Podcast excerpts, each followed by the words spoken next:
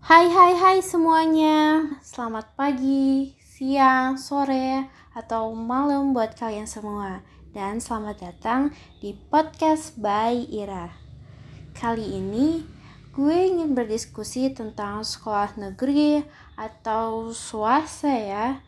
Hmm, sebelumnya gue sekolah di salah satu sekolah swasta.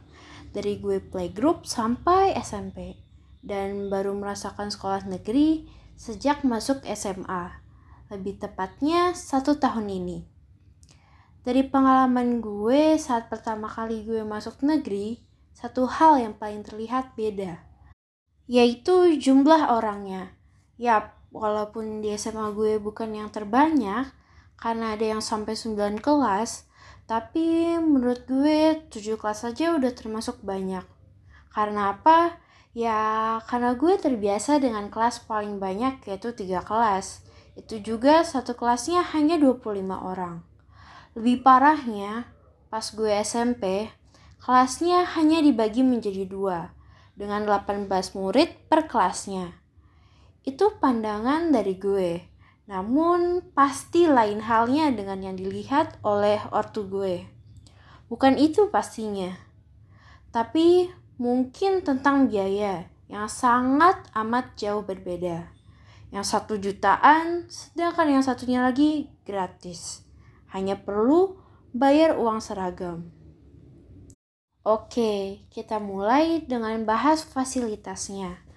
Menurut gue hampir sama aja, Mungkin karena sekolah swasta gue yang dulu ya kecil banget gitu. Jadi nggak seperti sekolah swasta lainnya yang sampai ada kolam renang di dalamnya. Tapi sekolah gue tetap menyediakan tempat di luar sekolah seperti kolam renang ataupun lapangan futsal untuk kegiatan ekskulnya. Selain itu, yang terlihat berbeda adalah ya pastinya pekerja kebersihannya atau OB. Di swasta, kita dapat mudah mencari OB. Karena kalau tidak berada di toilet, ya pasti ada di pantry gitu. Dan apa-apa pasti dibantu oleh mereka. Mulai dari bersihin tumpahan makanan, sampai nyeri barang yang hilang. Lain cerita di negeri. Mungkin kita hanya bisa ketemu OB kalau nggak pagi-pagi banget gitu, atau nggak sore hari sehabis pulang sekolah dari segi buku paketnya juga pasti beda. Kalau swasta kita harus beli semuanya, sedangkan di negeri kita dipinjamkan oleh pihak sekolah.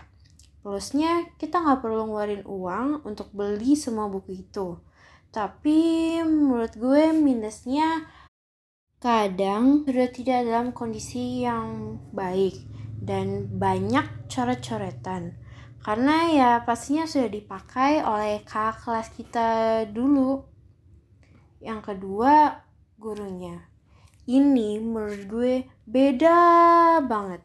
Bayangin dulu waktu gue playgroup sampai SMP gue nggak ngapa-ngapain dalam arti kata ya nggak pinter banget nggak pernah ikut lomba atau apalah itu. Tapi guru gue pasti merhatiin gue dari sekedar tahu tanggal ulang tahun atau ngasih suatu kayak minuman lah atau oleh-oleh habis dia pulang dari liburan gitu. Guru menurut gue udah serasa temen aja. Bisa dicandain ngomongin tentang kesukaan kayak novel, makanan, ataupun film bahkan Mana ada sih guru yang nyandain muridnya pakai segala nabok-nabok pakai sajadah katanya biar kita jadi kurus. Ya, pas saat itu sih kita kesel banget kayak ngapain sih tuh guru ngapain gitu. Tapi sekarang kalau diinget-inget aduh jadi kangen hal-hal sepele seperti itu. Di negeri rata-rata gurunya pasti serius terkesan menyeramkan atau biasa disebut dengan killer kali ya. Karena baik lagi, dia lebih mengarah ke akademik, yaitu nilai dan pasti ada aja gitu ancaman kayak kalau telat dikit nilainya nol atau guru MTK nih misalnya. Caranya yang kita tulis beda dan menurutnya itu cara nggak jelas. Walaupun jawabannya betul, tetap aja nggak dapat poin. Ya, begitulah pengalaman-pengalaman yang akan kita dapatkan. Tapi ada juga kok yang ngajarinnya enak dan gak nyeremin. Walaupun memang presentasinya dikit sih. Hmm, yang ketiga, mungkin teman-temannya. Ini yang ngebuat gue kayak orang kayak gue nih misalnya. Yang belum tahu tujuan pasti ke depannya gimana. Plus ya gue agak rada-rada males lah ya. Akan merasa minder kalau sekolah di negeri. Gimana enggak? Orang-orang di sana tuh udah punya tujuannya masing-masing. Jadi mereka udah ada plan gitu kayak pelajaran apa yang harus dikuasai, harus dapat nilai berapa, dan pastinya cara belajar yang diterapkan untuk mencapai itu semua tuh gimana gitu. Pasti adalah. Kata orang sih, kalau lingkungan kita mendukung, kita bakal terdorong juga. Tapi menurut gue itu tuh gak semudah itu. Harus ada keinginan dari diri kita sendiri.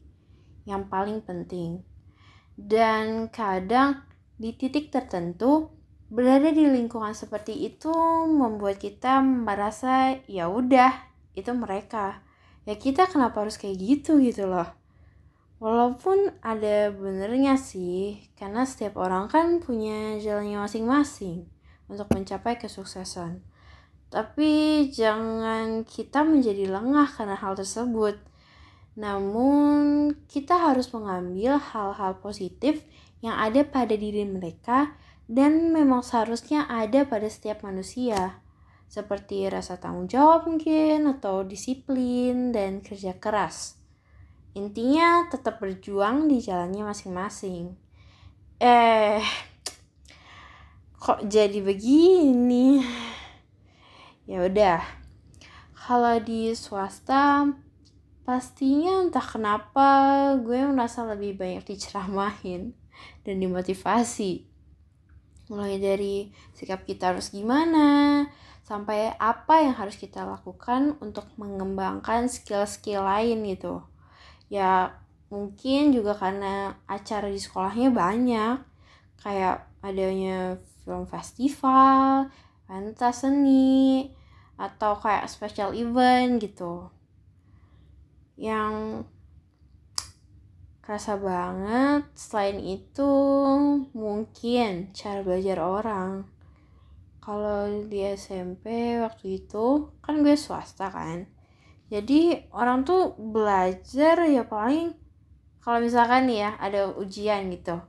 Paling ya sehari sebelumnya atau pakai sistem SKS ya terus kalau misalkan hari-hari biasa gimana? Yang nyantai aja kayak ya nonton apa kayak gitu tapi pas gue di negeri kayak setiap orang orang-orang lah itu ya setiap hari gue rasa kayaknya dia belajar mulu. Lesnya juga banyak setiap hari ada aja.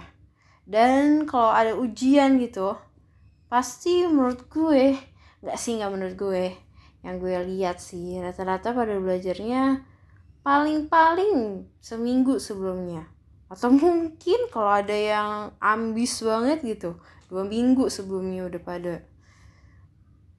Oke okay, tapi ya menurut gue emang nggak semuanya sih kayak gitu.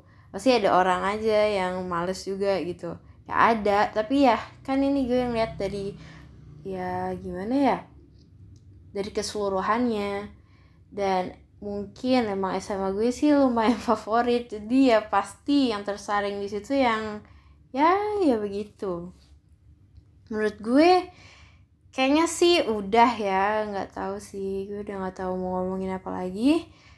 Ya ini sih menurut opini gue. Jadi kayak ya bisa jadi orang beda gitu. Ataupun yang ada di sini nggak semuanya seperti itu. Mungkin ada sekolah negeri yang beda gitu atau sekolah swasta swasta yang beda.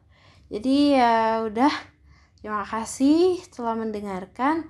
Pokoknya sukses selalu dan tetap semangat karena tanpa rasa semangat kita tidak akan merasa sukses. Dah bye sampai jumpa